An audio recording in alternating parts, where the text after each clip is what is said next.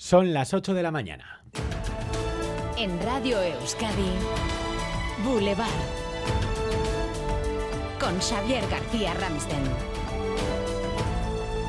Pues sí, se lo estamos contando. Hoy se cumple un año. Y esta mano y el texto que en ella está escrito es el primer testimonio directo que hemos recibido del pueblo vascón. La mano de Irulegui es el testimonio escrito más antiguo en lengua vascónica.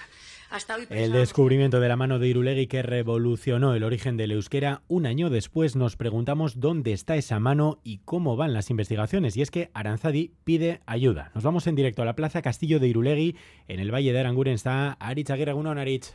Egunon, en un año la mano de Irulegui ha dado la vuelta al mundo y por eso Aranzadi pide apoyo institucional y social, mecenazgo para convertir el yacimiento de Irulegui en un proyecto de futuro a largo plazo. En nueve meses más de 2.000 personas han visitado este yacimiento y se han acercado al Ayuntamiento del Valle también, que prepara una estrategia para dotar al Valle de recursos que muestren su patrimonio sin perder la esencia. Ya sabemos que se han hecho canciones, unidades didácticas, también bolsos, pulseras, collares. Pues bien, la Oficina de Patentes y Marcas acaba de dar la razón al Gobierno de Navarra en una resolución en el que dicta que la mano de Irulegui será patrimonio de todos y nadie se la podrá apropiar como marca personal. Mientras tanto, la mano sigue siendo objeto de investigación custodiada por patrimonio histórico y el yacimiento de Irulegui sigue enseñándonos cómo se romanizaron los vascones. A las nueve y media hablamos en directo con uno de los descubridores, Machina, y estarán en Boulevard.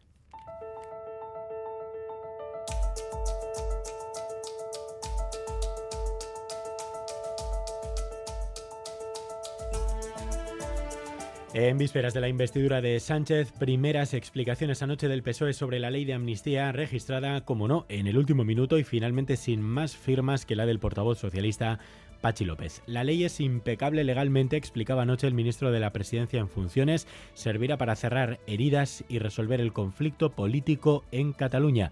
Vamos a devolver a la política, decía Félix Bolaños, lo que nunca debió salir de la política. No es un fin en sí mismo. La ley de amnistía busca fomentar y garantizar la convivencia democrática en nuestro país. Es un instrumento político, la amnistía, reconocido sin ninguna duda en el derecho internacional. Pues son multitud de los agentes que han criticado la ley desde el Partido Popular.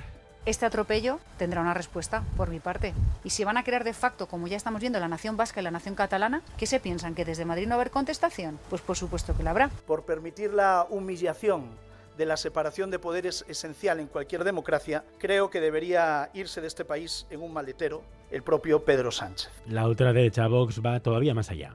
Si estamos ante un golpe de Estado, no es la hora de la movilización de los domingos, es el momento de la movilización permanente, en todo lugar y en todo momento. La ultraderecha convoca movilizaciones permanentes y hasta una huelga general, pero además se suma la COE, los empresarios, o más bien su cúpula, considera que tendrán un impacto grave esta ley de amnistía en las inversiones en España. También en el ámbito judicial, el Tribunal Supremo exige respeto a la división de poderes. Y en la calle, Padre nuestro que estás en el cielo, santificado sea tu nombre. Venga a nosotros tu reino. Anoche tocaba rezar el Padre Nuestro ante la sede de Ferraz.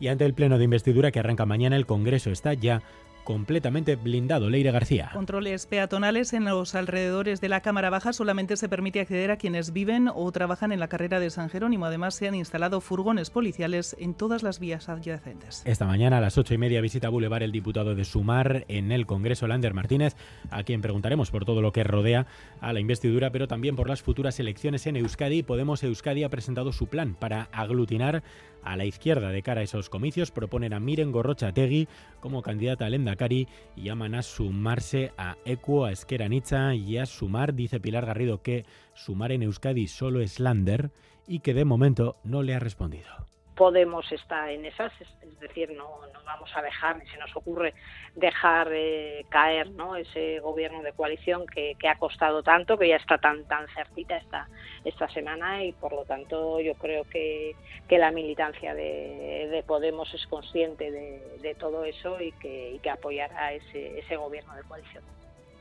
Bueno, pues eso es lo que decía eh, Pilar Garrido también sobre el gobierno de coalición en España y como decíamos, aseguraba que Lander Martínez no ha respondido todavía a su llamada para poder aglutinar esa marca de la izquierda. Lander Martínez a las ocho y media en Boulevard.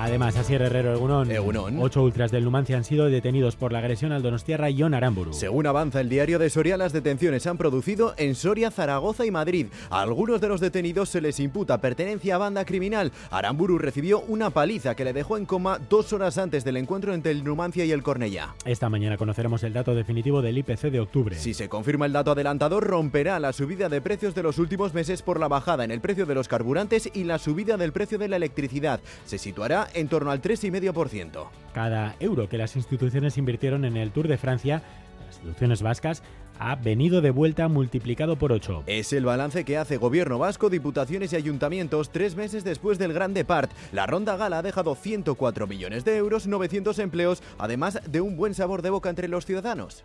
O sea, esa masa de gente que se vio en la tele no, no creo que esté a la altura de muchos sitios. Todo lo que sea bien hecho, aleluya. La imagen que se veía, yo lo vi por la televisión, que estaba fuera justo en ese momento, me pareció, me sentí orgullosa.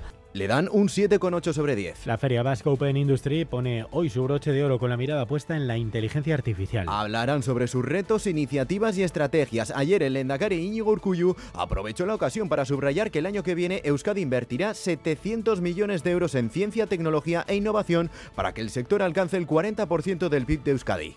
Nuestro modelo ha respondido de manera eficaz a los retos que hemos tenido que afrontar esta última década como sociedad. Es necesario que sigamos transitando por este mismo camino que se ha demostrado adecuado. Titulares del deporte, César Pérez Gazola, Segunón. Egunon Xavier anoche en el frontón de Guernica, tercera jornada de las eh, Winter Series de cesta punta y victoria de la pareja formada por Alex Goitia y Vasque ante Eric Mendizábal y Minville. Ganaron dos sets 15-13 y 15-12. Con esta segunda derrota a Eric y Menville se les eh, complica su pase a la siguiente ronda de las Winter Series. Boulevard. BRTA, Alianza Vasca de Investigación y Tecnología, te ofrece el tiempo. Mañana calurosa, otra vez, parece que el cambio llega por la tarde. Euskalmet, Miran Ruiz, Segunón.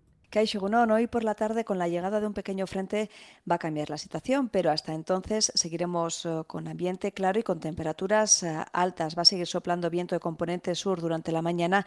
Sí que es cierto que en algunos momentos va a soplar con cierta intensidad, pero seguiremos con ambiente muy templado para la época, con uh, temperaturas que a mediodía volverán a superar los 20 grados en la vertiente cantábrica y en Álava y en el centro y sur de Navarra esperamos máximas de unos 17 o 18 grados. Luego, durante la tarde, el viento, comenzando por la costa, irá girando a noroeste y llegarán los cambios. Aumentarán las nubes, eh, irá refrescando y acabaremos la jornada con algo de lluvia, principalmente en zonas de la vertiente cantábrica. Pero eso sí, el frente va a llegar bastante debilitado, por lo que las precipitaciones serán poco relevantes. Por lo tanto, esperamos una mañana templada y soleada y ya cambiará la situación a lo largo de la tarde. Pocas nubes esta mañana, temperaturas altas. Vemos algo de niebla ahora mismo en la emisión en ETV2, por ejemplo, en la costa labortana.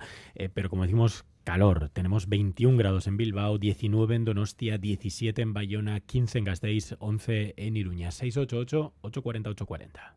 Egunon, en los arcos tenemos 10 grados. Aupa, agur. Egunon, Bermion, hogei grado, ondo izan. Elgean amalau gradu eta argi, agur. Egunon, gaur irunen amalau gradu eta teri. Egunon ezan. Egunon, hoy en el Orri hay 19 grados, el cielo está despejado pero es ventoso. Feliz martes. Egunon tik-tik, kabornikanotik pizka lainotuta dago eta termometroan amabos gradu. Aste arte zora garria izan!